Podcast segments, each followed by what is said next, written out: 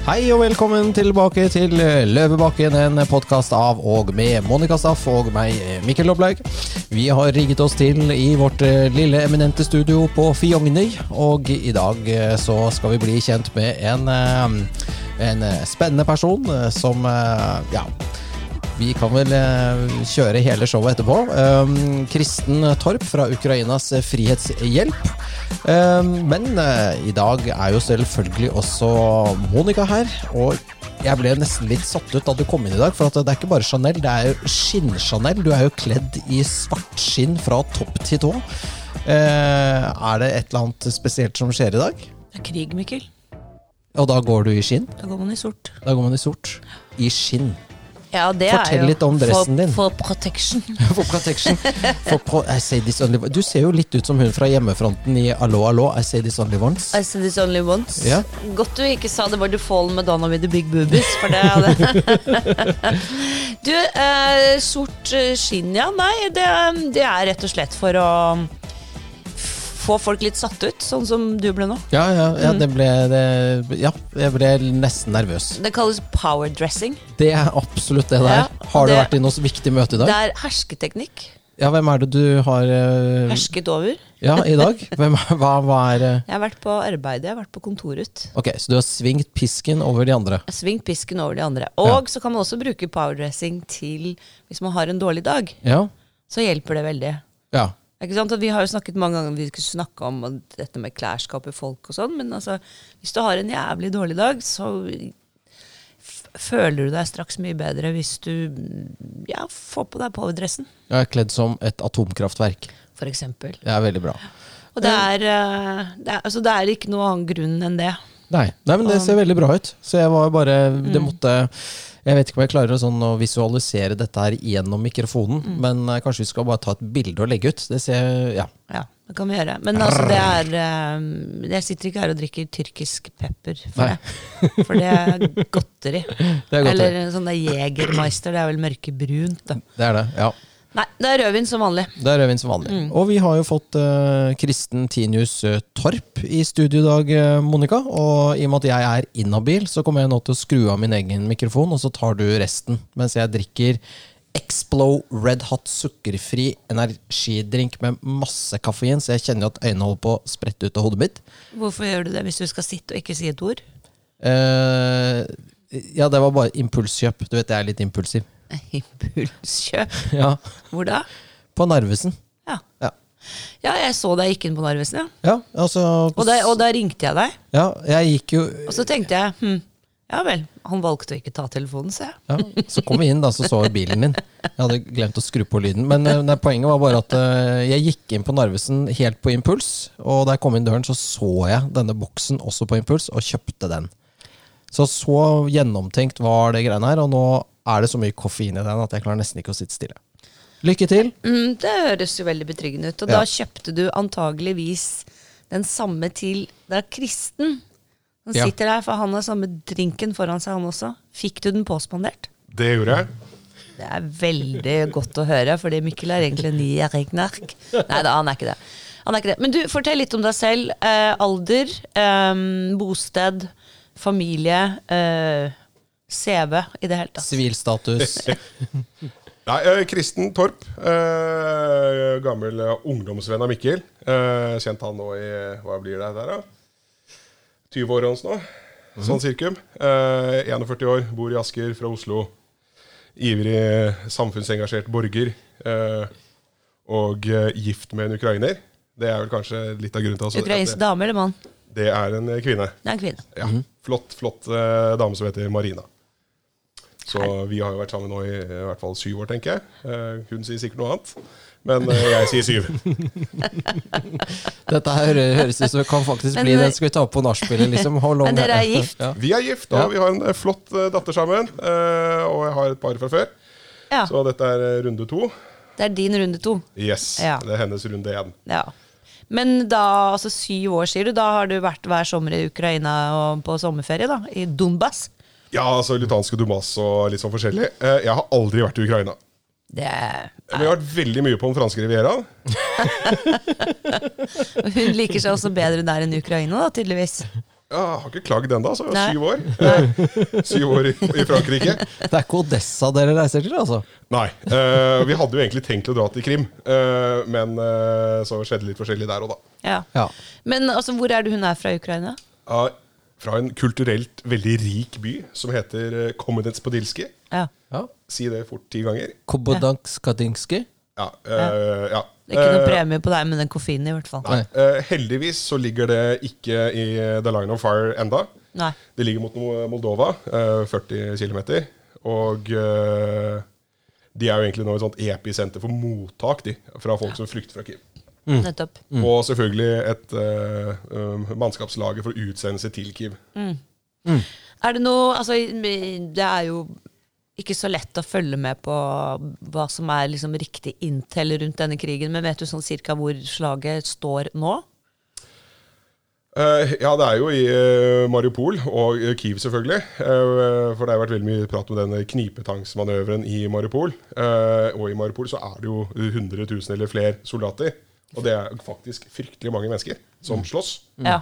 Eh, 100 000 inkludert begge sider? nei, ukrainere. Ja. Fra ukrainsk side. Eh, og så er det jo selvfølgelig det som foregår rundt Kiev. Uh, og eh, disse russerne som driver og prøver å flokke rundt og finte ut i et uh, fiendtlig land, de strever jo litt. Så det er jo veldig positivt sånn sett, og det er jo litt av det vi ønsker å bidra til i Ukrainas frihetshjelp. Uh, hjelpe de som ikke kan flykte, men som uh, frivillig slash ufrivillig må hjelpe til. Altså de som kalles ut som reservestyrker. Ja, fordi som mann uh, over en eller annen viss alder, så er du liksom obligatorisk, er du ikke det? Ja, alle mellom 18 og 60 år har nå utreiseforbud fra Ukraina. Fra Kiev nå så er det utreiseforbud for alle menn, punktum. Du kommer deg ikke ut av Kiev. Hvem er det Eh, som passer på at du ikke kommer deg ut av Kiev? Det er vel uh, de Russerne? som Ja. ja. Men det er jo Prøv, liksom. militære politiet osv. Det er jo det Norge. Ja, det i er jo ganske uh, si, Hva heter det norske ordet? Men fortified, eh, den byen der nå. Så det er ikke bare bare å skulle reise ut heller. Nei, ikke sant? For de er på en måte litt beleiret. Ja, Men det er jo litt interessant, da. Det var jo at uh, i går, var det vel, så var uh, det tre statsministre på besøk i Kiev. Nei, Og de, og de ja. hadde tatt toget. Oi. Ja, så det er liksom Det, De det hadde er tatt sånn toget inn til. Kiev fra Polen. Jøss. Det, er- det er helt absurd å tenke på. Det er sånn Ja, hybrid hvordan skjer det, liksom? Ja, Det høres jo helt merkelig ut. Det er da jeg begynner å lure på hva er det som er riktig i- info her. Ja. Men det man må tenke på, er jo at dette er jo et fryktelig stort land, da. Ja. Hvor stort sånn cirka er det? Større enn Tyskland. Skal jeg vise med hendene mine, eller? Ja, ja, ja. ja, ja. Nei, men det er vel- er det. Er det, er, det er 44 millioner mennesker som bor der. Ja. Eh, og i areal så er det vel uh, Europas uh, ja, det er, er, største? Eller er jo, det jeg lurer på om det er like stort som Frankrike og Tyskland til sammen. Ja. Altså, no, og det er, da begynner det å bli noen kilometer. Ja. Ja. Så om det er liksom, holdt jeg på å si, krig i Berlin, så er det fortsatt hyggelig på Rivieraen. Yes. Litt sånn Ja. flåsete sagt, da. Jo, jo, men ja. Ja. ja. Nei, jeg ser den. Jeg ser den. Men uh, han uh, mister Zelenskyj, han er da i Kiev. Han er i Kiev, uh, holder fortet der. Mm. Farter eh, fra skanse til skanse, tenker jeg. Sammen med Klinsko-brødrene. Som eh, vi faktisk har fått eh, gleden av å prate med også. For Ja. vi sendte jo en direkte shipment til Kiev. Det har jeg eh, fått med meg, for jeg har sett dere sitte og jobbe med dette her nede på kontoret. Og fått, som jeg snakket om i forrige podkast, tror jeg, eh, ganske mange telefoner fra Doble. eh, Kan ikke du ringe han. Sunde Color Line? Kan ikke du så, Men det har vært en, eh, en, bare en glede å hjelpe til med, fordi eh, dere Jeg må si at jeg er veldig imponert over hva dere, hva dere har fått til. Og dere var jo på plass der nede en uke før Røde Kors, eller noe sånt, var det ikke det? Nei, Røde Kors har vel ikke kommet ned ennå. De dro i går. Ja. uh, og, jo, Og da dro de med hest og kjerre, da, eller? Ja, et eller annet sånt noe, tror jeg. Uh, noe brevtur og sånn, kanskje. Fordi det er jo ca. 36 timers eh, reisetid. Til, Med, med eh, lastebil. Med lastebil. Ja. For det er hviletider og sånn, har vi lært masse om nå. Ja. Vi bare, ja, men Det står jo på Google, uh, Maps at det Google Maps at det er 21 timer. Pluss litt fueling, så er det 22. da Ja. Og så sa han ja, men vi kan jo ikke kjøre i et sett. Vi kjører lastebil. Ja. Eh, Men kan man ikke drite i sånne regler når det er krise? Oh. Eller stoppe bilen? du, vi hadde gjennomplanlagt alt, trodde vi. Vi kom til Svinesund. Der ble Så, det så var det stopp i tolv timer. Hvorfor det? Fordi eh, vi Det er ikke noe som heter humanitær eh, hjelp i norsk tollvesen. Nei. Det er import og eksport.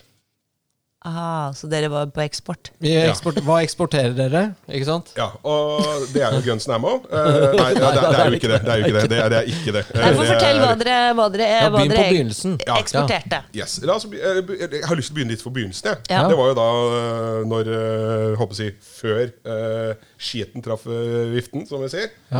Så var det jo veldig mye snakk med min kone om på en måte, hva gjør vi hvis det er sånn går galt. Og det var da skal vi få ut familie, skal vi gjøre sånt? Og jeg er jo på en måte stå ved din lest og stand your ground. Så du kan ikke flykte landet ditt, du må jo kjempe for landet ditt. Og det er jo heldigvis eh, det som er bra med å være gift med en ukrainer. Det er jo at de stand their ground. De, de flykter ingen steder. Um, så var det jo da greit. Nå gikk det litt uh, hardt i høyre. Så hva skal vi gjøre? Skal vi sende masse penger ned dit? Sånn at de får kjøpt seg ting de trenger. Hva trenger de? Hva skal de kjøpe seg?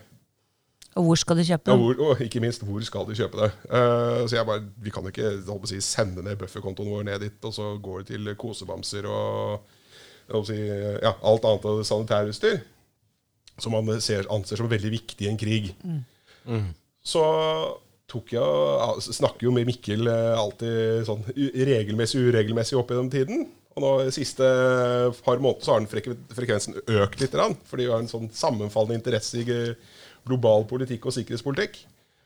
Og eh, her var det jo da på lørdagen eh, Altså de, Russland invaderte torsdag. Lørdag så hadde vi en liten prat sammen om eh, at vi må gjøre noe, men hva skal vi gjøre? Søndag hadde vi et litt mer formelt møte, satt med plan. Da var det fortsatt bare dere to? Bare oss to. Eh, og så samtidig, hva er det vi skal gjøre? Jo, vi må ha en Facebook-konto, vi må ha en nettside. Vi må få mulighet til at folk skal gi oss penger. Hva er det vi skal gjøre med de pengene? Jo, det er å hjelpe de som eh, ikke har noe i Ukraina, som skal kjempe for fedrelandet sitt. For det er jo litt av problemet her. De har jo masse våpen, men de har jo ikke bekledning til disse soldatene. Så når vi da snakket med familie og venner i Ukraina, så var det jo Kom du i olabukse og mokasiner, så var det det du dro ut og slåss i. Da fikk du AK-47, og så var det det. Yes. Ja. Da er du stridsdyktig. ja. Og uh, dette fant vi ut, her må vi gjøre noe. Her kan vi kle det etter norske, gode norske turprinsipper. Tre lags bekledning med fukttransport og ull og teknisk skallbekledning. Da kan du slåss sommer, vinter og det som er, og holde deg tørr og varm. Mm. Og kanskje overleve. Og kanskje overleve, fordi du er litt mer fokusert. Og dette er da ikke militært. Men det er jo noen som har kritisert oss, da, og mener at Ja. vi liksom fueler krigen, da, som har en sånn akademisk tilnærming til dette her. Hvem er dette? Eh, Ja, det er sånne Facebook-troller som sitter hjemme trygt og godt med kaffen sin, og så mener de liksom at det, vi må i hvert fall ikke hjelpe dem. Eh, men er det ikke sånn at det spiller ingen rolle om vi hadde sendt dem en ryggsekk med, med, med sovepose og varmt tøy? Altså Uansett om den ryggsekken kom fram eller ikke, så hadde jo de blitt sendt til krigen. Det hadde de. Eh, De hadde blitt sendt ut i akkurat det det sto og gikk i. Ja, så, Og hadde vært eh, mye mer kaldere, eh, mye kaldere. De hadde hatt mindre moral, eller ikke, ikke moral, men de hadde hatt dårligere Motivasjon. motivasjon. ja. Og uh, vært et enklere bytte, kanskje. da. Og det er jo det at altså, Vi har jo ikke bestykket uh, en kjempegarnison der nede. Det er 600 mann vi har fått sendt ned. Men uh, sånn som en sa, å møte 600 motiverte menn og kvinner, det er du kanskje ikke så veldig gira på. Nei, det er jeg helt uh, enig i. Og du, det er jo litt pussig at disse som da kritiserer dette, her, vil de, de mener at man ikke skal eh, velge side i denne konflikten, eller syns de bare at folk skal liksom la seg nedkjempe fordi at eh, vi skal ikke være med på å fuele krigen? Ja, Så da skal vi la Putin, en gal diktator, vinne? Jeg tror det er plastermetoden de tenker. Jeg. Altså Fort og gærent, ferdig med det. Ja. Tape gjør du uansett. Plasteret skal av. ja. Men det er jo det vi ser nå, at det er jo ikke noe plastermetode, dette her. Dette er Fordi- langdrygd. Nå, nå begynner jo globale sikkerhetsrådgivere å si ja, kanskje Ukraina har en uh, sjanse her. Ja, og det er jo det som er spennende. Men, men tilbake til disse som mener det, så, så tror jeg nok det er mer sånn at de sitter hjemme og, og tror på en måte at hvis, hvis vi ikke hadde sendt dette utstyret, så hadde disse mennene ikke dratt eh, ut i felt. Og, og det er også da helt feil, fordi de, de drar uansett. Så jeg Ja. tenker Da skjønner de Ja. ingenting, da. Nei, du vet Eller de har ikke satt seg inn i det. De var jo eksperter antageligvis på korona for fire uker siden. Ja. Og nå er de eksperter på global sikkerhetspolitikk i Og det, Ukraina. var, og det var sikkert det før invasjonen også. Ja. At ikke dette ble noen innovasjon. Dette var eh, Putin er en standup guy. ja.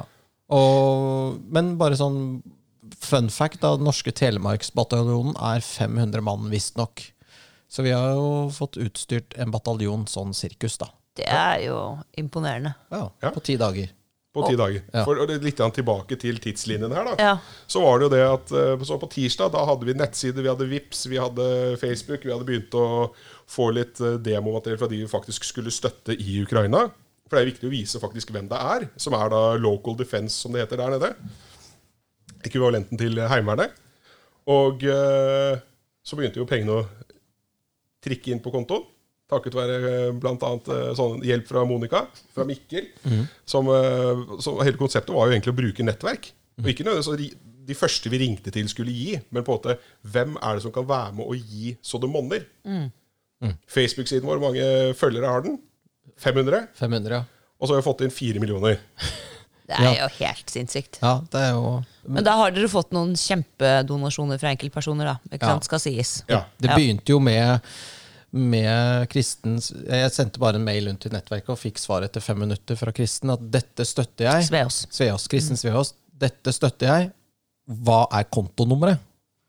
Og det var jo da vi fikk et problem, for vi hadde eh, det, Så langt hadde vi ikke kommet. Det tar jo litt tid å opprette en konto. Det er ikke Ja, bare ja, ja. liksom å ringe banken. Det er jævlig mye formaliteter. Det var mye greier, men dette løste vi litt smidig. Så, så, så det, det ordnet seg via Mm. en, eh, en kristen organisasjon som heter Konstantinerordenen. Det er litt sånn ho, Alle syns jo det er så skummelt. Ja, det høres som ut er som kristent, tem- tempelriddere, liksom. Ja, ho, men det er det ikke. Det er veldig greit. Men, men de Det er munker, stilte eller? seg Nei da, det er helt vanlig. Men de stiller seg til De stilte på en måte sin humanitære konto til disposisjon for oss. Og lot oss få lov til å låne oss organisasjonsnummeret for å opprette VIPS. Ja. Så bra. Og da fikk vi Og det var Du kjente igjen i Vips De jobbet hele Ja. natten, Her, sånn, var det ikke det? ja, Vi fikk jo Ja, høyprioritet på VIPS, for dette er ting som fort tar to-tre dager minimum. I know. Og fra vi sendte inn til det var oppe og gikk, så var det vel egentlig noen timer, tror jeg. Fantastisk. Så alle har liksom kastet seg rundt. Det er jo det som er så kult å se. Ja. Ja, det er det. Eh, altså, og selvfølgelig det å kjenne noen og sånn, men det å få noen på Vips til å sitte hele natten for å sette opp kontoen, og få en kredibilitet sånn som gjør at folk tror på dere, da, at dere skal få det til, for det er jo også noe med det. ikke sant? Man kan jo Yes. fort bli litt skeptisk. Ja, og det i hvert fall- og i hvert fall- trust. Ja, I hvert fall når du hører Konstantinerorden. Ja, ja, ja. Det Hva er er jo mange som har lurt på at dette her var, ikke sant? Ja. Og det er jo da noen som da har hjulpet oss. Man trenger hjelpere. Vi, trengte noe, vi, vi er jo ikke noen profesjonell organisasjon. Vi, hadde jo, vi, vi hadde jo egentlig tenkt å sette opp en organisasjon, og så så vi bare Brønnøysundregisteret etter tre uker. Ja. Riktig. Da er krigen over. Ja. Bank i bordet. Ja, det er helt riktig. Altså, Alle disse formalitetene tar jo nå 100 år, ikke sant? Ja. Og for å få gjort noe, så Og det, det er jo litt sånn samfunnet har blitt. Yes. Og, det var det, det- ja, og det var det vi merket når vi da kom til Svinesund. Det var jo at vi må jo ha alle formalia i orden, men du må jo ha en importør som skal godkjenne at de påtar seg innkrevingsansvar for skatter og avgifter i mottakerland. Vi bare Ukraina er i krig. Det er ingen som er, de, de bryr seg ikke om skatter og avgifter akkurat nå. Nei. Men nei, men vi trenger et eh, T1-skjema, og det må sluttes. Altså, Vi har lært ganske mye om disse logistikkutfordringene. da. Fy faen. Og heldigvis så har vi da en som eh, har vært med og støttet oss også, som er da langtransport, eh, profesjonell langtransportsjåfør, som kan dette her. Og som han sa, bare at det, her er det vi må gjøre, vi må gjøre det slik, slik og slik, og så kommer ingen vei på tollvesenet. Skal det jo sies at de gjorde alt de kunne for å hjelpe oss, Ja. men de bare visste ikke hvordan de skulle hjelpe oss, Nei. fordi de, de bladde i boken sin. ja. Og det For er, de, de kunne ikke slippe dere av gårde uten at liksom T-skjemaet var sluttet. Nei. Nei. The computer says no. Det var ikke noe sted å krysse på computeren. Liksom. Nei, dere får ikke dra, liksom. så enden på visen ble egentlig at vi måtte bare slutte å opptre som en profesjonell transportør. Og gjøre sånn som alle andre som uh, tok en uh, Løperegning. Nei, kjøre til Svinesund og si hei, vi skal kjøre til Ukraina med masse nødhjelp. Hva, hvordan skal vi få til det uten å bruke en papirmølle? Ja. Og da hadde de litt prosesser der, da. Ja. Som gjorde at vi faktisk eh, kom oss av gårde. Etter tolv timer. Etter tolv timer. Ja. Så det, var litt, det var litt kjipt, for da hadde alt gått på skinner, egentlig, Ja. helt frem til det. Ja.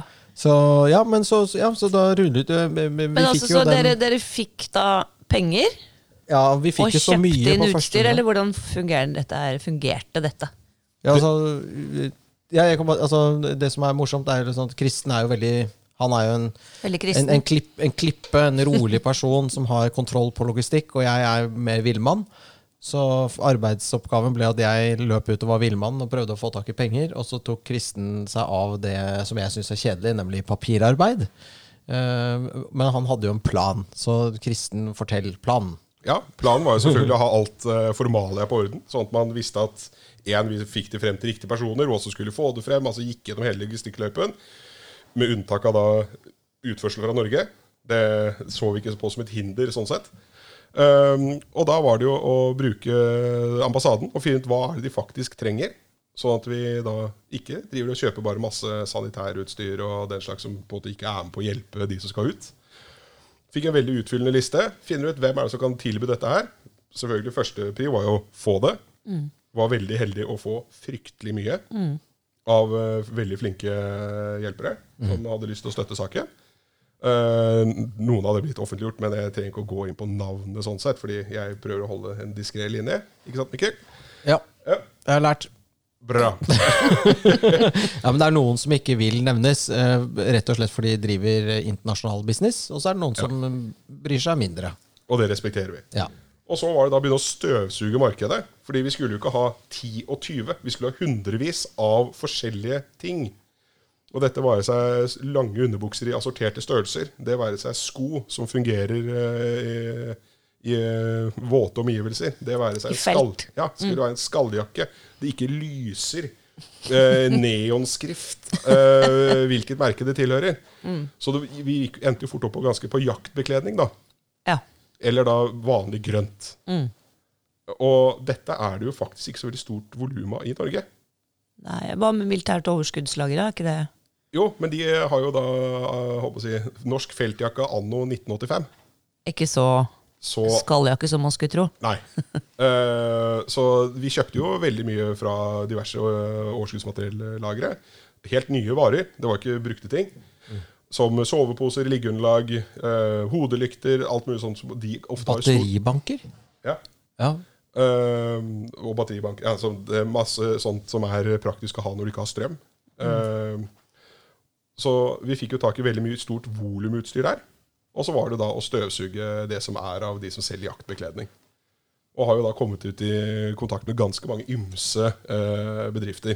Det ikke, kan, mange jeg ikke har hørt om engang. ja, Ja. Som var ganske store innenfor en del eh, f.eks. For forsvarsmateriell til det offentlige. Ja, Som vi fikk lov til å kjøpe av eh, til en god pris.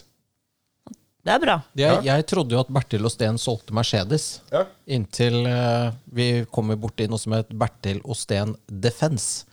Altså, bilsalget til Bertil Osten, det er sånn hår i suppa. Det er ikke det de tjener penger på. Det er den derre defense-delen som er eh, motoren i det systemet der, og, og Yes. mye annet. Men det er litt sånn wow. Så de selger da forsvarsmateriell til norske forsvaret? Jep, blant annet. blant annet. Og så var det, jeg kan ikke si navn, men det var i hvert fall et norsk rederi som jeg trodde bare drev med rederi. Eh, Men de drev også med logistikk. Ja, Ja. For, Forsvaret, for eksempel. for eksempel. Så kunne det da hjelpe oss litt med rådgivning når det kom til eh, logistiske utfordringer eh, på kontinentet. Ja. Så det var veldig gøy å sitte på sånn der, De hadde sånn kommandorom der de fortalte oss hva vi skulle gjøre. Vi, var hele, vi gjør ting vi ikke kan. Vi har lært mye, da. Kristne Mikkel gjør ting de ikke kan. Ja. Bratt læringskurve. Ja. Men veldig fint at folk stiller opp. Jeg burde egentlig ha filmet dere underveis. Ja, Og det, det snakket vi om, egentlig. At det her har vært en dødskul dokumentar, egentlig. Bare for eget, egentlig. Ja. Om 10 år eller 20 år. Og bare komme tilbake og se. Ja. Eller vise til barna. Eller vise til barna. Ja. Ja. sitter i gyngestolen. Se hva pappa gjorde. Ja. ja, da ringte vi dem. Ja. Ja. Nei, men det, er, men det, det må jeg si at for at, Og det også, Monica, eh, med nettverk. Du er jo kanskje en av de mest connectede personene jeg vet om i Norge. Eh, ut av eh, din lille ringeliste så har det jo skjedd fryktelig mye. Ja. Eh, en bare sånn liten morsom ting. Eh, vi begynte jo med et eh, lager på Lillestrøm på 200 kvadratmeter. Det holdt vel ikke så lenge. Og så fikk vi det opp til 400, og så sier bare Kristen Mikkel det kommer to Det, kommer, det er hundrevis av baller. Vi, vi er ikke i nærheten av å få det inn på 400. Jo, det er bare å stappe, det, det går bra. Sånn, det, gjør ikke det. Og da var, da var det jo sånn torsdagsdrink i sofaen på Investor, var det ikke det heter? Altså, Ja. Og da sa du ikke gå ut her, klapp i henda, ta take attention. Og så sa jeg vi trenger lager. Vi trenger 2000 kvadratmeter nå. Og da var det en som bare reiste oss opp. Ja, det ordner vi. Og det var Ja. jo en Guds gave, for da fikk Ja. du tilgang på et profesjonelt lager.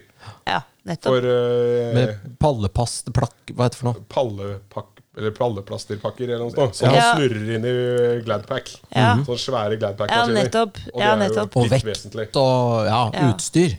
Ja, fordi at det jeg drev jo en veldig kort stund i klesbransjen og vet dette med logistikk, og når du skal pakke ting, så hjelper det ikke bare at du får alt stappet inn i Du skal liksom sortere og pakke og lage, så du trenger masse space. Det var forresten Håvard Markussen, da, Mm. Håvard, hos. Investor, som, eh, Ja. som stilte med det lageret. Og food, eh, hva heter det for noe? Food Brokers. De Ja. Mm. drev med mat, da. Ja. Så det er bra. Men eh, nei, så det er jo utrolig. Og hvis til sammen så kjenner man jo ganske mange mennesker. ikke sant? Og hvis folk er villige til å stille opp, Mm. Så er det veldig mye man kan få til. Det er jo dere et, da et uh, foreløpig levende bevis på. Ja, og så Vet ikke hvor lenge dere overlever dette. da Putin kan jo ha sendt ut noe Hitman. Ja, antageligvis er jeg på den. Jeg, jeg tror ikke jeg skal til. Smolensk på ulvejakt eh, eller noe sånt nå med det første. Ulvejakt, ja. er, nå får jeg hele NOAS eh, etter meg også. Men eh, jeg har ikke vært i Smolensk på ulvejakt før. Og skal ikke Eh, heller. jeg skal heller ikke det. Hvorfor men eh, jeg skal, Hvorfor ulvejakt? Nei, jeg vet ikke, det var bare det bare slo meg inn eh, som er veldig provoserende og politisk ukorrekt å si. Eh, men eh, Nansens ånd lever videre i Norge. Det er sikkert og visst, da. Ja. Med den gjeld... Altså, folk er imøtekommende og vil hjelpe. Ja. Mm. Og det, ja. Vi har vel for så vidt vært inne litt på temaet her i pod nummer én om Ukraina-krigen, men det er veldig mange som henger seg opp i det òg, da. Mm. Ja. At ja, hvorfor var dere ikke like entusiastiske når det gjaldt Syria? Og sånn, ja. Ja, nei, ja, ja sånn, ja, med, med, med, med den, den delen, ja. Men nå tenker jeg altså sånn eh, med, med, altså at folk, når du ringer og spør om hjelp, så stiller folk opp, da. eh, Veldig i Norge. Jeg tror Norge er et land med høy tillit og på en måte høy engasjementsfaktor, da. Og så skal det kanskje si at vi appellerte jo til veldig mye den norske ånden her. Altså, eh, har jo lært meg å ha et narrativ når man skal eh, få solgt inn en historie. Og da var det også veldig viktig å levere på det narrativet. At ikke, vi skal ikke invadere, vi skal ikke invadere, og så invaderer vi. Mens her var det vi skal levere tre, trelags bekledning til eh, de som blir kalt ut. De norske hjemmestyrkene trenger hjelp fra London. Ja, og det er det vi har gjort. Max. Manus sammen med Kompani Linge og Gunnar Sønsteby i spissen står for transporten. Litt sånn. Ja. Ja. og, og, det, og det er det vi har fått utrolig gehør fra. Og så er det det at vi har jo gått via nettverket. Vi har ikke gått ut øh, Og når jeg sier nettverket, så betyr det ikke at vi har ringt rundt til de som står på, først på ringelisten og har bedt om penger. Igjen da bruke nettverkets nettverk for å spre ordet, sånn at det faktisk det her er noe du kan stole på. Fordi det vi har solgt inn, er jo egentlig tillit. Vi er jo ingenting. Vi er ikke noen organisasjon sånn sett. Nei, det er nettopp det som er litt imponerende. Det er akkurat det du snakker om nå, at folk bare sier ok, greit, jeg gir deg en million, jeg. ja, det er helt sykt. Vi er bare to dudes. Ja. Og, men nå er vi jo flere, da. Men altså, alle som er med, er jo bare glade Hva er for noe? Glade Amatører. amatører. Ja, ja, jo, Dudes and det. dudettes. Ja. ja. Så men, men ja øh, øh, Men det har jo kommet inn en halv million kroner på VIPS. Ja. Det er jo ganske mye. Ja, og da har vi snakket med andre veldedige organisasjoner som sier en halv million på VIPS. Det er crazy bra. Det er Og sånn, det på en uke. det er sånn Norsk Folkehjelp kanskje får inn. Ja. Eller øh, flyktning, vet for noe, Flyktninghjelpen, eller de store får det, da. Ja, sånn at eh, egentlig så har dere da en høyere grad av tillit enn Norsk Folkehjelp, da. Kanskje. Ja, vi er i hvert fall flinkere til å høsle. Jo, og Ja, så tror jeg kanskje at man eh, Nå vet ikke jeg hvor engasjerte, liksom, for å bruke Try Reklamerås språk, vanlige folk er. Når det kommer til disse innsamlingsaksjonene til disse store organisasjonene. Men faktum er jo at veldig mange av de har en veldig stor overhead. Det er store organisasjoner, mye folk som jobber der. Og de har annet også mye penger på bok, og det går veldig mye av den kronen du gir, går til admin og overhead til, eh, i organisasjonen, og ikke så mye av det kommer frem til faktisk de som skal hjelpes. Sånn at når man har en sånn ideell uh, greie som dere har gjort her, hvor ikke dere tar dere betalt for noen ting, og alt går uavkortet dit det skal, så er det klart at folk er jo Altså jeg personlig ville vært mye mer interessert i å gi noe til en sånn organisasjon, og ikke til en eller annen organisasjon hvor han Jan Egeland skal reise rundt på business class og, og bo på femstjerners hotell, liksom, på, på halvveis på min regning. Det har jo blitt litt sånn, men jeg vet ikke hvor klar vanlige folk er over hvordan disse organisasjonene fungerer. Og det du sier her, Kristen, at eh, Røde Kors omtrent ennå ikke er på plass der nede, det er jo egentlig ganske forstemmende å høre. Ja. Hva er det de driver med? Bestemmer seg? Har møter? Ja, nå, Jeg så bare nyhetsinnslaget på søndag, var det vel. Jeg måtte sende en eh, liten videosnutt til Mikkel. Og sa det de, stor, tung organisasjon som bare driver med dette her profesjonelt, har ikke klart å være på plass ennå. Vi, ti dager etter at vi ikke visste hva vi skulle gjøre, hvordan vi skulle gjøre noen ting, så hadde vi da stått og, ikke vi stått og delt ut, men vi har fått delt ut alt materiellet vårt. Inne i Ukraina. Ja. Til de, altså det var, vi var håper å si, faktisk litt sent ute til eh, den byen som det skulle leveres til. For der var det da et busslass med local defense-mennesker som hadde blitt eh, sendt til Kiev. Så vi rakk egentlig ikke frem. Nei, for de skulle ha det med på den bussen. De skulle ha med på den bussen. Hva skjedde? De pakker om og sender en bil etter bussen. Fantastisk. Fordi disse menneskene hadde vært med å promotere kall det, saken vår i sosiale medier, sånn at vi på en måte hadde gitt, det, gitt dem et ansikt. Det var mitt ansikt, som på en måte er da øh, øh, håper jeg, å øh, øh, øh, årsaken til at vi startet en del av dette her. Og så er det mottakeren. Og det er jo hele budskapet her. ikke sant? Og da vise steg for steg på veien varene kommer frem. Og disse brødrene du snakket om her. Boksebrødrene, Ja. Klitsjko, ja, det kom som en sånn liten joker fra siden via nettverket igjen. Ja. Ja, det var, jeg hadde jo vært eh, på Uff, ja, jeg, Det er jo koronafri, så man må ta seg en tur til Tryvann, si, eller til Bygdø allé 3, da, dagens reklame, og danse litt. Tansen fot, de Tansen maskin. Så jeg hadde vært på byen, og våkner klokken ni, klein som et Altså, jeg er så sliten, og da er det selvfølgelig en venninne. eh, Hun heter Jeanette. Hun har også ganske stort nettverk. Hun ringer. Det står en kar her fra Ukraina, fra Kiev. Eh, som har kommet hit i natt for å se om det er noen han kan liksom koordinere ting med. Da. Og hvor hadde hun truffet han? Eh, hun, eh, han er jo da faren til, eh, til eh, kjæreste hva, faen, Hvor er det blitt her, da? Hennes bror Hennes Kjæreste. brors kjærestes far. Ikke sant? Så nå begynner vi å snakke om Men det er ganske morsomt. Ah, nettopp. Så han eh, så fikk en sånn fornemmelse Jeg hadde egentlig mest lyst til å bare si «Øh», og så bare legge på. Jeg er kvalm, jeg må «Øh, kaste opp». orker ikke. øh. og det var jo helt forferdelig å stå opp. Men øh, jeg fikk en sånn fornemmelse at dette er viktig. Det er sånn Noen ganger så får du en sånn følelse av at dette er ikke tilfeldig, dette er meningen, dette teller. Så det var bare å, å, å kjøre på. Time etterpå satt han på, i, i, på kjøkkenet. Og tre kvarter etterpå det så var jeg på FaceTime med, Vladimir, med jo, Vladimir eh, Klitsjko, altså broren, da, boksebroren, som da satt i en bunker i Kiev.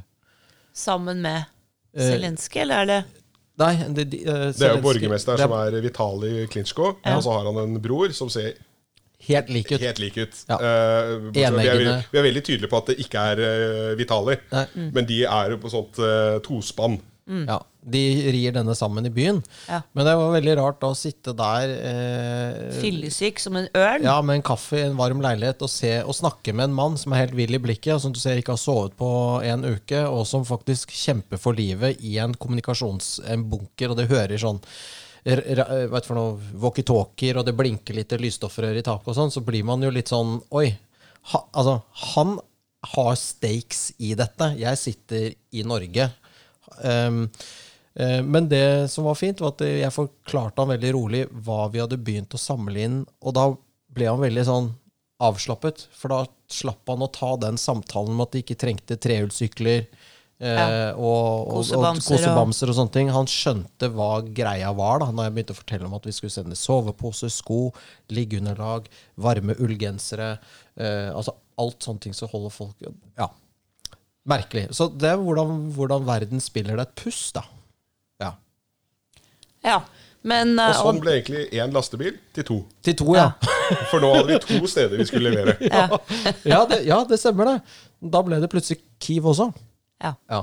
Og da, da fikk vi jo da Og det må jo bare sies at uh, Kristen her, han hadde jo da selvfølgelig akkurat fått korona. eh, Lå med feber og skulle koordinere hele dette prosjektet her. Det var herlig. Helt herlig. 38,5 feberfantasier og prøve å koordinere og ikke uh, gjøre for mange feil. Ja. Og prøve å huske hva jeg hadde sagt i forrige telefonsamtale. Ja. Men Ja. eh, det gikk. ja, det gikk. Så du ble litt hardt angrepet av korona, du, rett og slett? Ja, altså jeg var en av de som uh, fikk, har jeg fått kjenne litt, ja. Eh, prøver å holde inne hver eneste host jeg har her da. For nå er det jo en uke siden jeg var uh, håper jeg, å si friskmeldt.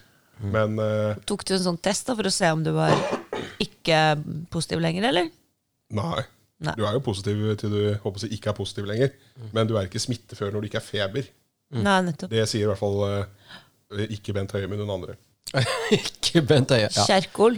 Sikkert. Ingvild Kjerkol. Folkefestinstituttet sier det. Folk Fol Folkefelseinstituttet sier at du, Du må være forsiktig. du er smittsom hvis du er over 40, men hvis du er i kohort med to, med barn opptil seks år, så kan du møte fire. Det med unntak av hvis de ikke går på samme skole. Eller hvis du bare tar litt jod. Eller hvis du tar jodtabletter i kaffen, men da må det være Evergood. Hvis det er Evergreen, så går det ikke. Nei, sorry, nå er vi ute og kjører. Uh, men vi er jo bare halvveis i ja, Det var den båten da, som gikk på skjæret inne i Suezkanalen, var det ikke det? Jo, det var vel det. Det var Evergreen. Det er en annen historie. Men uh, Kristen de har gått på grunn igjen i USA. Nei. Jo, jo. Evergreen? Samme Ja, eller båt? ikke samme båten, men samme rederi. Hva er det med dem, da? Ja, det Akkurat hva er det med dem? Det er godt gjort, altså. Det er en sak for Løvebakken to investigate for Ja, the next badcast. podcast. Evergreen eh, Special Edition. Evergreen Vi reiser til USA. Men Kristen, fortell videre. Uh, ja, fordi det var jo da alt dette som skulle kjøpes inn og koordineres. Ja. Og da var det jo å støvsuge markedet for dette her. Prøve å få det inn på kortest mulig tid. Og da er det jo Man kan ikke nødvendigvis eh, kjøpe ting i Melhus og liksom forskjellige steder som noen andre plutselig gjorde. Mikkel? Ja, Vi Eh, fikk jo masse soveposer. ja, vi fikk masse soveposer i Melhus. Det var kjempeflott. Det, Det må vi nesten eh, Nora, Nora, Elliksen. ja. Ja. Eh, Fra, fra Barents. Fra Barents, ja. Barents, ja. De stilte opp, altså. De stilte opp. Eh, Men Melhus er ganske langt unna Oslo. Så Også, da, fikk vi, da fikk vi testet uh, vår pre-logistikkmuskel. Ja. Kunne dere ikke bare sende med toget? nei, men det, det var 300 soveposer er ganske mange soveposer. En Ja. Ikea-eske, litt mindre enn Ikea-eske, inneholder tre soveposer. Og det var så morsomt, for at det, det, skulle, det var noen fra Vinstra, Fredrik, som eh, hjelper til, og Konstantin. eh, Han fikk nok en kjempestor sprinter. Og så åpnet de opp den, og så sa jeg sånn Sprinter er en kassebil, for en som ikke vet det. fra, fra Mercedes. og, så sa vi, og så sa jeg sånn eh, det er, er den her stor nok, da? Og bare Jo, vi bare stapper posen din, så får vi plass til 300 lett her. Eh, og så kjører Konstantin av gårde Til Melhus. til Melhus og får, får med seg en tredjedel av det vi hadde fått, ikke sant? Og så i tillegg så klarte jo Nora fra Barents å få inn enda mer spons. Ja, Fra, kan vi si navnet på de? Kan vi ikke det? ja vi gjør det. vi gjør det. Grilstad. Hva, Åh. hva fikk vi fra Grilstad? Pølser. Alt de har. Vi fikk det var så mye. mange paller Ja, det var mye. Altså med med, spekemat. Å ja, selvfølgelig. Det Og er det noe ukrainere er glad i, så er det jo håper å si, litt speket mat. Ja, Altså De har så mye rar speket mat som ikke, for, som ikke funker for vår gane engang. nettopp. Husker ikke hva det heter, men det er, sånn, det er, det er bare tørka harsk fett. Det er Nydelig. Fantastisk. Påkjørt villsvin. Ja, altså Hvorfor drikker vi vodka? Jo, for vi spiser dette. Ikke sant? Det er derfor de drikker så mye. Ja, det er sånn, du må, du må, Med vondt skal vondt fordrives. Ja. Så vi fikk jo fryktelig mange paller av de. Så vi måtte jo en tur til. Ja, Og så fikk vi eh, power bars og greier også. Ja, det var jo fra den andre. De skulle ikke nevne det Ja. De skulle ikke nevne. Nei. De skulle ikke nevne. Nei, for vi fikk, eh, frykt, vi fikk en eh, palle med gode kjeks fra en stat i USA. Eh, Ja, ja. Hva heter den staten igjen? Eh, Maryland. Cookies. Ja, ja, nei, ja, kanskje det. Maryland. Ja, Maryland, ja. Maryland eh, tror jeg den staten heter. Mm. Og Ja. så fikk vi masse eh, energy bars og energy gels og sånt noe, som Mm. er veldig viktig å ha for å få opp eh, sukkeret. Sukkernivået ditt. Og eh, det var heldigvis ikke så langt unna, da. Så Nora, tusen takk. Eh, Tusen, tusen takk, Nora. Hva er Barents? Det er tidligere Hellsport. Oh, ja. De solgte Hellsport, og så etter tre år så begynte de å kjede seg, så da, da Nettopp. startet de opp uh, på nytt. Nettopp. Det var ikke så gøy å være Men hvordan fikk ja. dere ned resten av soveposen, da? Den sprinteren kjørte tre ganger, da, eller? Nei, vi da- fant ut at det her går jo ikke i en sprinter, og det er det vi hadde tilgjengelig. Så da var det jo å bruke nettverket igjen. Hvem kan ordne med transport? Og da fikk vi fikset transport Ja, til, til eh, lageret vårt. Ja. Og så ringte eh, en venn av min eks, som er lastebilsjåfør, meg. Og, sånn, eh, for, og da hadde jo ikke vi begynt å tenke. Hvilken eks? X? En X. Og så Den siste. Og så sa han det at han kunne godt kjøre den lastebilen ned til, ned til Ukraina. Eh, for det hadde jo ikke vi egentlig Det er ikke bare enkelt å få tak i en lastebil som, vi kan, som kjører den veien, da. Nei. Nei. Så da er- stilte han opp. Og så fikk han en venn av seg til å ta den andre lastebilen når det Ja. ble to. Og hvor fikk dere lastebil fra? De har selv. De har sånn egen Har ikke du transport. lastebil? Er det er pickup? Ja, vi, kan vi må reklamere for Hans Martin uh, Lien. National Transport. National Transport. Ja, han, International. International. Han leverer, da. Nå er han Ja. på vei til Trondheim med et lass med engangsgriller. Direkte fra, Polen. fra Polen. han er en helt, da. Han står på. Ja. Ja. Han, han tok det på. Altså, det er sånn eh, Det sekundet en sak blir It's personal. Alle her sånn tok et veldig personlig eierskap til det. Du gjorde det, Monica. Mikkel gjorde det. Jeg har gjort det. Hans Martin har gjort det. Alle som har vært med å bidra, har tatt eierskap. Og da får man flyttet fjell, altså. ja. Og det er nok den store forskjellen også på dette og en profesjonell organisasjon. Ja. Men i hvert fall eh, har jeg da fått eh, ordnet eh, Hvor mange paller var det vi kom opp i? Ja? Eh, 132. Ja, 132 paller hos nå. Det er jo og det er jo fryktelig mange paller. Eh, en lastebil kan si sånn, altså på gulvet så tar den 33. Ja. Og så Og dobbel så i kan du høyden. da. doble høyden, da er det 66. Og så hadde vi to sånne. Pluss litt sånn småsnask som vi dyttet inn her og der. Ja. ja, det er sovepose, eh, Ja, bare sånn at ikke ja. noe annet. Ja. Ja, det var ikke skråtobakk, liksom. Nei, nei. For Så, Og det er det som også har vært litt vanskelig her, er egentlig å være veldig tro mot det vi skal gjøre. Fordi du har sagt bare sånn Ja, vi kan jo få tak i det, vi kan få tak i det. Folk Ja. kan sponse X og Y.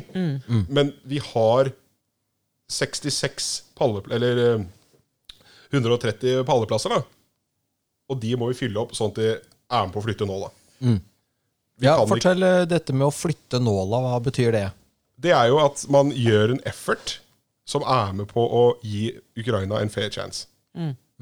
Og det er det veldig mange nasjoner også gjør, ved å støtte dem med kall det militært materiell.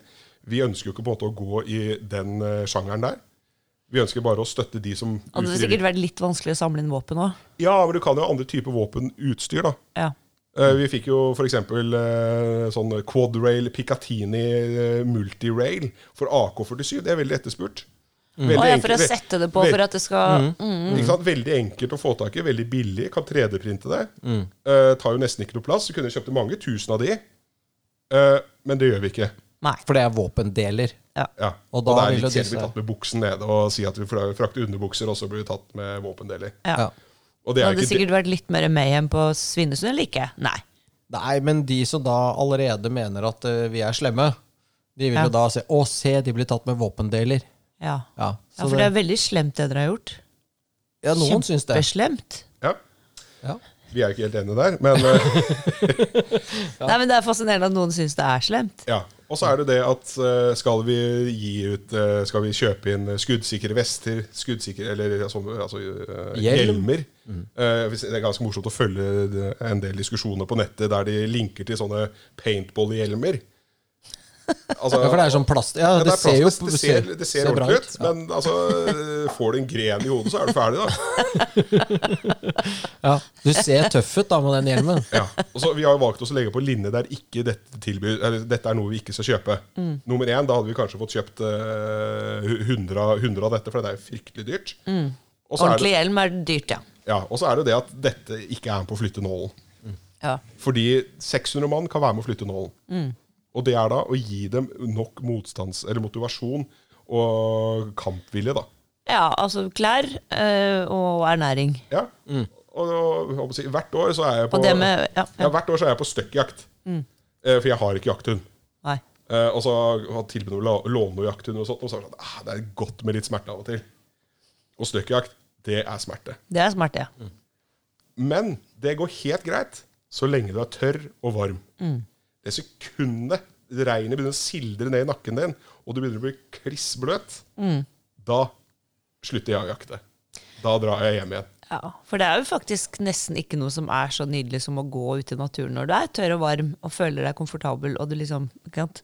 Det er uh, nydelig natur rundt når du snakker om jakt. da. Ja, Og det er liksom den mentaliteten da, som jeg på en måte kunne uh, applisere på hvordan de ville ha det. Når du da står ute i skinnjakke, olabukser og mokasiner og skal forsvare landet ditt og passe på motorvei. Ja, og nå har de liksom fått eh, ordentlig tøy. Og så fikk vi jo tak i mye eh, En del tøy som ikke som, så, så, så de har sånn lokale politifolk, eh, hva heter det for noe sånne vektere, nærmest? Eller som gjel, gjel, Politireserven, er det ikke det heter? Ja, det er politireserver også. Ja, for vi eh, fikk en del blå jakker, skjønner Ja. du. Fikk tak, i en, fikk tak i en del jakker som liksom er politijakker. Ja, Ja. Men uh, tilhører et uh, fryktelig dyrt norsk merke. Ja, ja. skjønner. Ja. Blå jakker fra et Ja. fryktelig dyrt norsk merke. Ja. Det er da ukens quiz. Mm. Altså, det er så dyrt at vi burde jo egentlig som- solgt de jakkene på Finn. Den som vet og- svaret på dette, må dessverre dø. dø Ja. Nei, men vi burde jo egentlig solgt de jakkene på Finn og fått inn 100 000 kroner på det istedenfor, og så kjøpt flere soveposer. Men nå er det i hvert fall politiuniformer. Ja. Ja. Ja. Og også politiuniform er fordi de utøker også med en politireserve for å være med å patruljere gater og holde det trygt. For det er jo et stort problem nå, og det er jo faktisk plyndring. Selvfølgelig. Sånn blir det jo alltid når det er sånn Ja, uro. Så. mulighet gjør tyv. Og det har man jo sett dessverre i Kherson og de andre byene sånn, som ikke har blitt skrevet om, dessverre. At plyndring er et stort problem. Nå er det utskrevet et, jeg tror et, hva er det blir, dekret av, eh, av eh, presidenten, som sier at dette her kommer til å bli straffet fryktelig hardt. Så håper at det har sluttet nå. Ja. I den grad man klarer å ta folk, så Ja, og det er der på en måte denne politireserven også kommer inn, ikke sant? Når ikke de da blir beskutt fordi de skal opprettholde lov og orden også. Eh, men tilbake til tids, eh, tidslinjen. Eh, da har vi fått tak i lastebil, vi har fått tak i klær. Vi holder på å pakke på et lager. kommer masse fantastiske mennesker innom for å hjelpe oss. Og tusen takk til Ulla på lageret, som har vært en heltinne for oss Ja. Eh, med å stå på på kveldstid. Jobbet vanlig jobb på dagen. Vi kommer eh, litt på ettermiddagen for å ikke forstyrre produksjonen deres. Fordi med 130 paller så begynner det faktisk å oppta litt plass da, når vi jobber der. Um, og vi gir vel oss sånn rundt midnatt omtrent hver dag, tenker jeg. Uh, mandag og tirsdag. Og onsdag så går bilen. Onsdag morgen. Og så tolv timer eh, med sånn snask på Svinesund. så pumper vi nedover til, eh, til Sverige og over til Polen. Og uh, alt av papirer da er det klargjort. Så når vi kommer til Ukraina, så er det jo ekspress eh, fast track. Over til en frisone. Der laster vi av uh, last nummer én, og så kjører vi videre til Lviv. Der tar vi del to. nettopp. Dere var ikke Og med på turen? da? Nei, uh, jeg hadde korona. Ja. Jeg hadde tenkt å være med. Eh, det sa Ja, jeg jo, også. det var jo et eventyr. Altså, Det var jo det, det var litt derfor vi gjorde det òg. ja, men du har jo faktisk lyst til å være med på turen der. Ja, Ja. men jeg måtte til Og du, Tyskland. har jo, du og burde han- jo dratt, siden du aldri har vært der, og kona di er derfra. Ja, Men det er en tur til, da. Vi skal ned med mer. ja. Så kanskje vi får vært med på den, da. Og det er det Ja. vi planlegger nå. Det er Ja. jo runde to. For eh, vi eh, fikk jo inn eh, ganske mye mer midler enn det vi hadde først eh, håpet på. Ja. Så vi har jo eh, runde to som er egentlig akkurat det samme. ja, Så dere får like mye utstyr med på runde Ja. to? Ja, det tror vi. Det tror vi. Ja. Ja. Kanskje vi bare gjør noen justeringer. Eh, vi fikk jo tak i fryktelig mange sokker. Og jeg trodde kanskje at det var for mange sokker. Vi kommer opp i sånn 1600 par sokker. Men det er jo en ting du faktisk trenger fryktelig mye av også. Ja, og så blir du våt, ikke sant? Og så kanskje skal Ja. du bevege deg til et annet sted, og så har du ikke tid til å vente på at de tørker, så må du ha nye. Og så. Ja. Og så eh, Vi fikk jo fire paller med sanitærutstyr som jeg har kanskje disset litt grann, eh, at de ikke skulle fokusere på. Men det er jo én. Det var 8. mars også når vi holdt på å pakke. Og 20% av alle eh, local defense i Ukraina er jo kvinner. Ja, nettopp. Så det var litt viktig for oss å tenke på de òg. Være litt uh, PC. Ja, og det, og det kommer godt med. Ja. Ja, Fordi det- det mennene vil gjerne også ha de. Ja, mennene vil ha bind. De vil veldig gjerne ha bind. Ok. For øynene, da, putter de eller? i skoene. Absorberer fukt. Ja. Nettopp. Så det er jo noe vi ikke tenkte på. Nei. Altså, Bind i feltstøvler, veldig smart. Det kan jo Life vurdere som Tena Lady. Du. Ja, ja, ja. ja. Tena man. Tena man der. Um, nei, så det, ja, så det blir kanskje en ny runde, men Ikke kanskje, det blir en ny runde. Nei, men, altså, Men skal dere være med da? Ja, så, ja. Ja, ja. Det er jo det vi håper på, da. Ja. Eh, jeg er det, si, heldigvis, eh, sånn sett, eh, ikke dessverre, men i fast jobb. Uh, mellom eh, åtte og seks eh, på alle dager. Så jeg har litt mindre leeway. eh, men arbeidsgiveren min har jo vært eh, veldig snill og sagt at jeg får eh, litt fri også for å fokusere på saken. Hva er, hvor jobber du hen? Eh, I et teknologifirma Ja. Men Så- hyggelig, med bra sjef. med en veldig bra sjef. veldig bra Et tech-firma med bra sjef, det er da quiz nummer to. Det er krot, nei da. ja. Premien Premien. er uh, ja, hva er det for noe? Hva skal være Noen ukrainsk pølse, tenker jeg. Ja, ukrainsk tørket harskt fett. ja, nydelig. Påkjørt villsvin fra Ja. Men, men, eh, ja, men det hadde vært gøy å vært med på turen ned, faktisk. Det er jo litt av greia. Mm. Men vi fikk Ja. jo egentlig være med litt på turen også. Fordi vi hadde jo selvfølgelig et sånt lite privat Webkamera. Ja, som war room eh, hvor vi hadde signalkontor og sånt så vi kunne også livestreame hva som skjedde. Så vi var jo faktisk til stede eh, eh, in absentia når vi krysset grensen og var med å levere ut etc. Er herlig. Det var kult. Ja. Du, altså Det som jo, i hvert fall for min del, har um, denne krigen i Ukraina brakt med seg, er jo for det første en veldig sånn um, altså Plutselig hva skal jeg si, jeg er blitt oppmerksom på Ukraina, at det er, det er et land som ikke er så veldig langt unna. Ikke sånn, Fordi de sier jo at fra Oslo til eh, grensen cirka, eller til Kiev muligens, jeg husker ikke helt de detaljene, er det like langt som herfra til Nordkapp. Kan nok stemme, ja. Og det sier jo litt om avstanden til dette landet, og at det faktisk også er en del av Europa, hvor stort det er, og mange mennesker som bor der. Og altså, jeg har jo hørt om Kiev og Odessa, og jeg kunne sikkert ha pinpointa Kiev var hovedstaden i Ukraina. Odessa ville jeg si hm, litt usikker.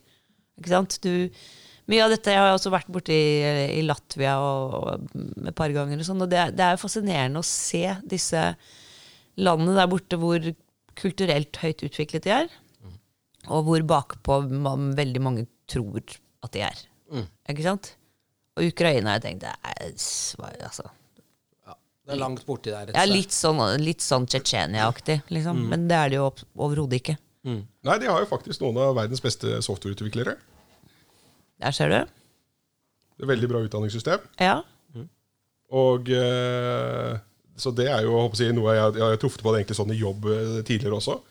Og jeg har jo vurdert å hente uh, utviklere derifra. Sette ut utvikling dit. Hvordan traff du din kone? Er hun sånn tech-utvikler? Nei, hun er sånn eh, startup-dame, egentlig. Ja. Så jobbet tidligere i et stort norsk telekomfirma. ja. Og som hadde masse startup-events og sånt noe. Og der var det en flott kvinne som, Som tok ditt hjerte. som tok mitt hjerte. Ja. Bandt deg til sengen og Ja. tegna. Det, det er sånn, ikke sant? Nå snakker vi om kjærlighet, Mikkel. Vi snakker ikke om Ja. det griseri som du holder på med. Nei, nei, nei. nei. Mikkel er jo ungkar å spille med. Ja, det vet vi altfor godt. Og har begynt å frekventere BA3 ganske ofte. Ja, Ja, men, men, eh, men konen min har jo noen eh, høyt utdannede venninner. Ja, veldig bra. Jeg har jo jeg håper å si, noen av de fremste hjertekirurgene i ja. Ukraina, blant annet. da får du invitere Da får vi fyre opp den Weberen din. Da. kan du sy det sammen igjen. Ja. Det er bare å invitere på fest. eh, Du vet hvor jeg bor. Ja. Ja. Så bra. Nei, Ja. men eh, ja. Mikkel, Ja. eh, Mikkel er jo på det frie marked, så det bare skal sies til alle våre lyttere. Nå tror jeg de fleste av våre lyttere kanskje ikke er helt Det er i ikke der. Det målgruppen er ikke din. det. Eh, hva, hva står det der? Ja. Armageddon? Nei. Håper ikke det. Men før vi hadde vært her, Ja. hvor var vi da, Mikkel? Hva da? Før vi kom til podkasten i dag? Eh, Jo, da var vi hos Ambajadoras. Hos den ukrainske ambassadøren. Ja. Så Og det har hadde vært, du ikke tenkt å fortelle meg, eller? Nei, det hadde jeg glemt, for jeg hadde drukket så mye Expo, Explo her, Red Hot, med, med energi, så jeg holdt på å tisse på meg. Ja, Den ungarske eh, ambassaden er i Arbins gate, er den ikke det? Eh, ukrainske, i hvert fall. Ukra sorry, ukrainske. Ja. Herregud. ja. Ja, vi var hos den ukrainske ambassadøren i dag, ja, og det var jo veldig eh, st- Han så ut som han ikke har sovet på en uke nå, men han smilte og tok oss godt imot, og vi hadde en veldig god samtale. Og han var jo ganske entusiastisk også, fordi vi treffer veldig målrettet med det vi leverer, i motsetning til kanskje Han, han er jo veldig diplomatisk, så, men det er veldig mange som vil hjelpe. Men det er ikke alltid hjelp er hjelp. Noen ganger så er det faktisk ork. Hassel. Hassel med folk som ringer ned den ambassaden og på en måte skal hjelpe dem med ting de overhodet ikke trenger hjelp til, da, for å si det rett ut. Ja. Så han syntes det var veldig greit å møte oss, da. For at, uh, vi hadde egentlig ikke så mye å prate om, sånn sett, for vi var enige om det vi drev med. eh, har jeg følelsen av. Men han sa mer. Mer av det. Uh, gjerne. Så det var veldig hyggelig. Ja. Og der er det nå dere er på en ny runde med innsamling. Eller dere har på en måte kontaktene. Og så det er egentlig bare å Og en del ting som dere ikke fikk sendt i første runde. Ja, altså, Vi har jo fått sendt ned alt vi fikk. Ja, okay. og, eller alt vi kjøpte inn og mm. fikk. Det har vi gjort. Men uh, nå prøver vi da å få tak i enda mer, og kjøpe enda mer. Ja. Og så er det jo det at det her er jo en eh, sånn håper jeg å si, en sreptas krukke. Man eller et hull i bakken, som man kan bare gi og gi og gi Ja. ned i. Det tar jo aldri slutt. Ja. Nei. Og når håper å si, krigen forhåpentligvis er ferdig snart, og Ukraina kommer seirende ut, så er det jo et helt annet ballgame der nede også. Altså Hva er det de sa nå? 1000 milliarder og sånt i skader nå? Ja, det, er- det, er- Altså Det har jo ikke Russland råd til å betale krigserstatning engang. Nei. Nei, nei, nei. Og det må det jo, kanskje. Ja, og det er jo sånn at eh, gjenoppbygging etter en krig er ganske tungt. Ja. Ja, det er det. Og for et land som da ikke sant, har fått eh, Det er jo bygninger, det er alt mulig som er ødelagt, og infrastruktur og og det er jo ikke sant, mange ting man ikke tenker over, for når dere snakker om powerbanks, ikke sant, så er det klart at vi andre her i uh, moderne verden som går rundt med den derre uh, t- iPhonen og er døden nær hvis du liksom tror du har mistet den eller den er borte, så er det klart at du skal ikke være så lenge ute i felt før den er tom for batteri. Nei. Nei, Og så er det jo det igjen, da. Tenke gjennom hva vi faktisk skal sende ned. Fordi å sende en eh, hodelykt som går på engangsbatterier, er jo veldig rimelig. Men du får et kjempestort problem ganske fort. Og det er at du får ikke tak i engangsbatterier. Men du kan lade. Fordi de har, diesel, eller de har bensinaggregater, dieselaggregater, som på sånne huber, som de vil da får ladet opp powerbanksene på. Så da må så du kjøpe en dyrere hodelykt som du kan lade. Det er sånne ting, da. Ja. Eh, altså Man må liksom bruke huet når man sender ting ned dit, så man ikke bare sender plastikk, da. Altså søppel. Ja, søppel, ikke Ja, sant? ja, jo, men det er liksom En, en, en hodelykt som går på batteri, er per def søppel. Mm. Det er én pall med masse kilo og diesel ut av vinduet, for at den, funger, den hodelykten da fungerer i 14 dager. Og så eh, kan den ikke brukes mer, for at det er ikke batterier der. Nei. Det høres jo veldig gjennomtenkt ut, dette her, da, gutter.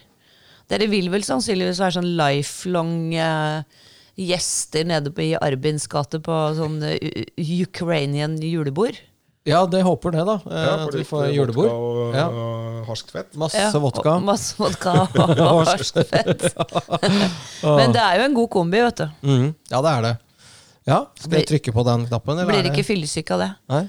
Eh, Ja, nei, eh, mer- da, jeg vil da i hvert fall eh, Det er jo første gang jeg skal liksom rette en takk til deg også, Mikkel.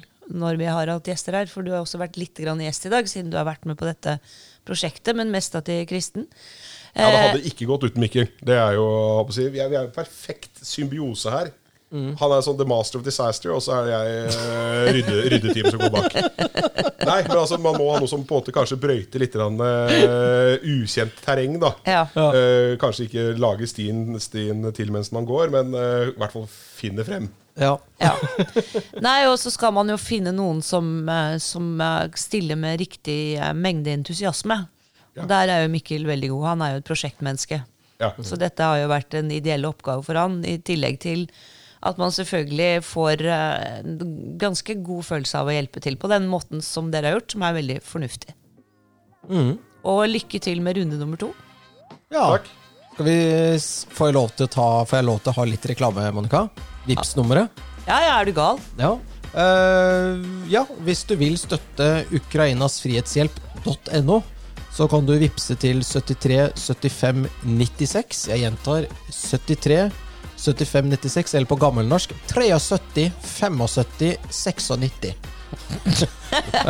Og vi legger også ut det nummeret når vi legger ut podkasten, så dere er, det er bare å åpne mobilen og finne frem vips kontoen Ja, og som vi sier, Lik, del, doner og gi så det svir. Yes! ha det bra! Ha det bra, takk for i dag. Ja, det gikk jo bra dette her, Kristen.